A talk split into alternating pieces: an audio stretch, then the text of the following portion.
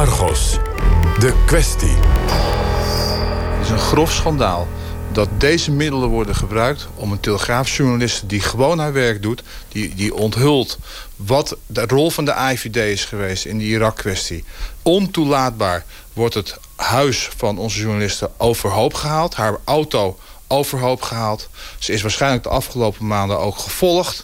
Alles wat ze heeft gedaan is in kaart gebracht. En het is niet de eerste keer. Drie jaar geleden Joost de Haas en Bart Mos in gijzeling genomen, ook vanwege de IVD-kwestie.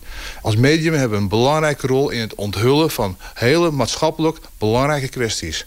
Dus de overheid, dus het kabinet, speelt hier een uiterst merkwaardige rol. Want als je dit toelaat, waar ligt, waar ligt dan de grens? En dit was Jules Paradijs in 2009, toen hij nog hoofdredacteur was van de Telegraaf. En hij had het over zaken waarbij journalisten van hem bespied waren door de overheid om hun bron te achterhalen. Nou, dat zou een heel actueel thema kunnen worden in de toekomst. Want het kabinet wil de inlichtingendiensten de bevoegdheid geven om op grote schaal allerlei gegevens via internet te onderscheppen. En dat gaat dan ook over sms'jes, mailtjes, telefoontjes en appjes.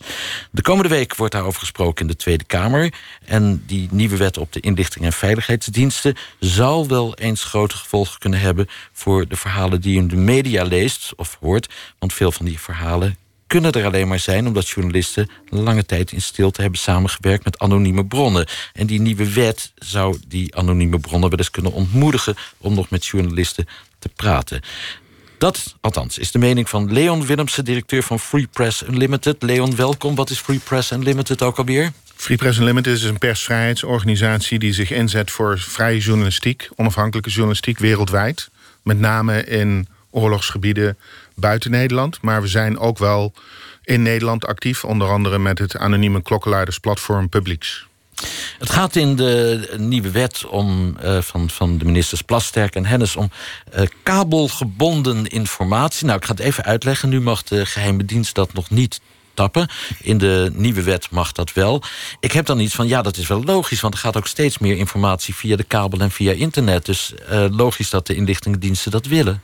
Ja, de wet is eigenlijk loopt achter bij de bij de vernieuwde infrastructuur die digitaal is. En uh, de kabel is tegenwoordig het internetkanaal waar langs alle uh, mobiele telefoonverkeer, uh, alle sociale mediakanalen van A naar B gaan, zeg maar. En de geheime diensten willen graag daar ongeremd op kunnen ingrijpen. Een beetje zoals de NSA in Amerika.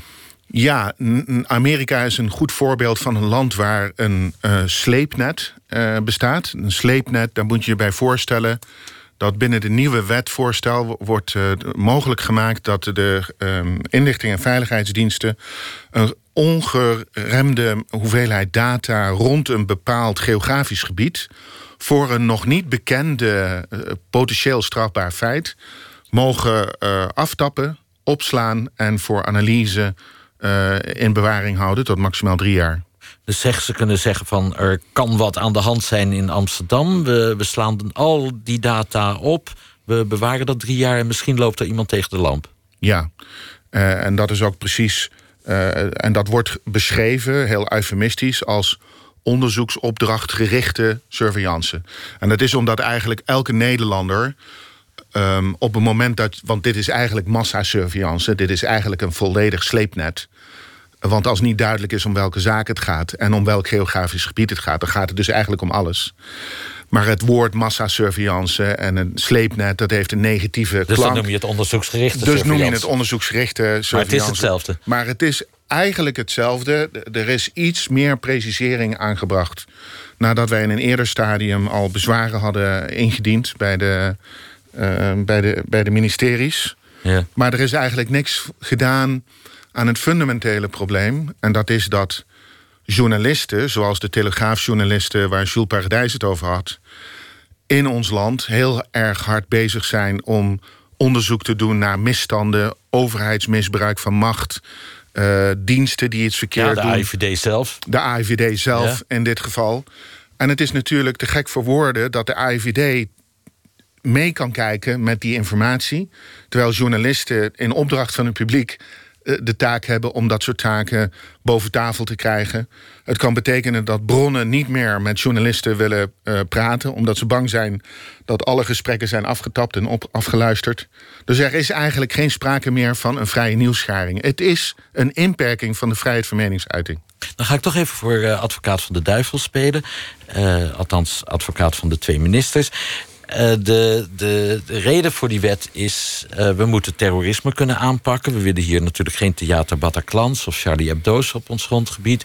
Daar zit toch wel wat in? Moet je daar niet een klein stukje persvrijheid voor inleveren? Nee, ik denk niet dat je persvrijheid moet inleveren. Ik denk ook dat er helemaal geen spanningsveld is tussen persvrijheid en het bestrijden van terrorisme. Als er nou één ding duidelijk is, dan is het dat in Frankrijk, Engeland en in Amerika daar bestaan deze wettelijke mogelijkheden voor een sleepnet al. En daar zijn juist de landen waar de aanslagen zijn plaatsgevonden.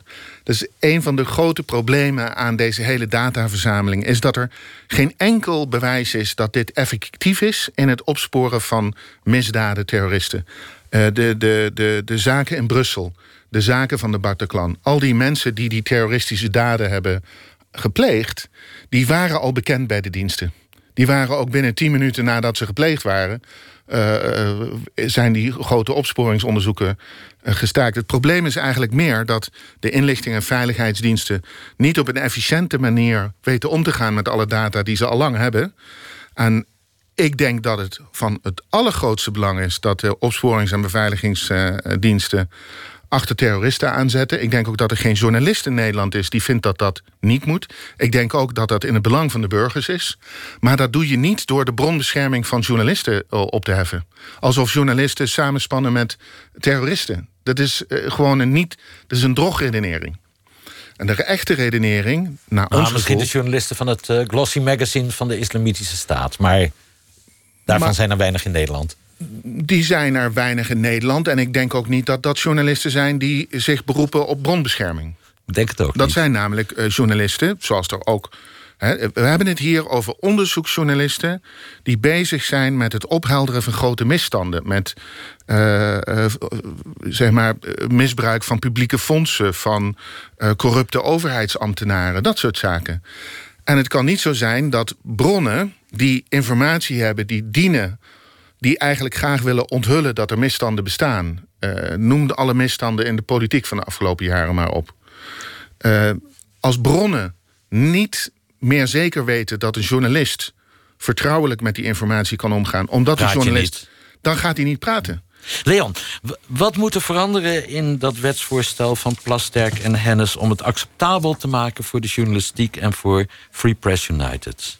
Free Press Unlimited. Unlimited, Maar sorry. United is ook goed Vind ik hoor. ook een mooie naam eigenlijk. maar dan gaan we voetballen. Eh, de algemene interceptiebevoegdheid van artikel 48, die moet er eigenlijk uit. Dat is eh, eh, gewoon.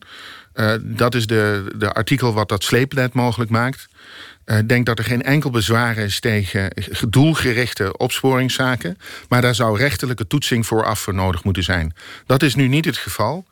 Ehm, en ehm, eh, daarnaast is het denk ik heel erg belangrijk dat er ook nog in de wet is opgenomen dat eh, mensen die hun digitale informatie versleutelen, encrypten, dat die gedwongen kunnen worden door de diensten om die encryptie op te heffen voor de diensten. Nou, dat zou betekenen dat bijvoorbeeld ons platform Publix, waarmee toch honderden verhalen op basis van anonieme bronnen zijn eh, gepubliceerd de afgelopen jaren, dat die niet meer beschermd zouden zijn. Dat is voor ons ontoelaatbaar. Dat staat ook in dat wetsvoorstel. Staat daar ook in, ja. Wij worden met name genoemd. Ja.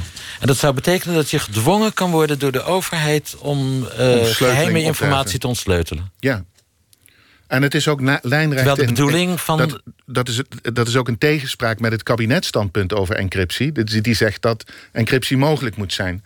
Dus de wet rammelt gewoon aan alle kanten. Het is eigenlijk een eh, full, full blow eh, wetsvoorstel waarmee eigenlijk alles kan. Er is geen rechterlijke toetsing vooraf. Eh, de minister moet toestemming geven. En er is, eh, na, er is geen toezicht tijdens en achteraf. Mag ik je een dilemma voorleggen, Leon? Ja. Want kijk, de ene journalist is de andere journalist niet. Gisteren hadden we die, die affaire rond de moord op Martin Kok... waarvan je kunt afvragen, was hij nou collega-journalist... Of, of nog steeds een beetje een crimineel? Ik kan me voorstellen dat als die wet in jullie zin gewijzigd wordt, er ook moet worden vastgelegd wie is een journalist en wie niet. Nou, ik denk dat wij daarin moeten kijken naar, uh, um, en dat, uh, dat is misschien uh, contra-indicatief, maar we moeten gewoon kijken naar het verdrag van de rechten van de mens wat we hebben. En daarin is opgenomen in het artikel over vrijheid van meningsuiting dat elk mens het recht heeft op zijn mening te uiten en om de informatie die hij heeft naar eigen inzicht te delen. Dat is een onvervreemdbaar recht. Dat is ook de reden dat de Nederlandse staat is veroordeeld door het Europese Hof in Straatsburg in de zaken van die telegraafjournalisten. En per kan natuurlijk altijd zo zijn dat een journalist niet recht op snee is. Um, maar dan, dan moet dat gewoon voor de rechter gebracht worden en uitgezocht worden. Dat is, niet het, dat, dat is een, een veel minder vergaande uh, inperking dan dat alle journalisten op elk moment altijd onzeker zijn of zij nog uh, in het geheim met hun bronnen kunnen uh, communiceren. Je oproep is aan de Tweede Kamer: haal dat sleepnetartikel haal uit. dat sleepnet eruit en zorg voor een juridische toetsing ook voor journalisten. Want het interessante aan het wetsvoorstel is dat het wel die bescherming biedt aan advocaten, maar niet aan journalisten. En wij denken dat dat is omdat journalisten een heel gezien doelwit zijn van veiligheidsdiensten. Want journalisten weten namelijk heel veel dingen. Leon Willems van Free Press Unlimited. Dankjewel. Dank je voor je komst. Dit was Argos. Morgen meer onderzoeksjournalistiek bij de collega's van Reporter Radio. Zij onderzoeken hoeveel van de Europese landbouwsubsidies terechtkomen bij de Italiaanse maffia.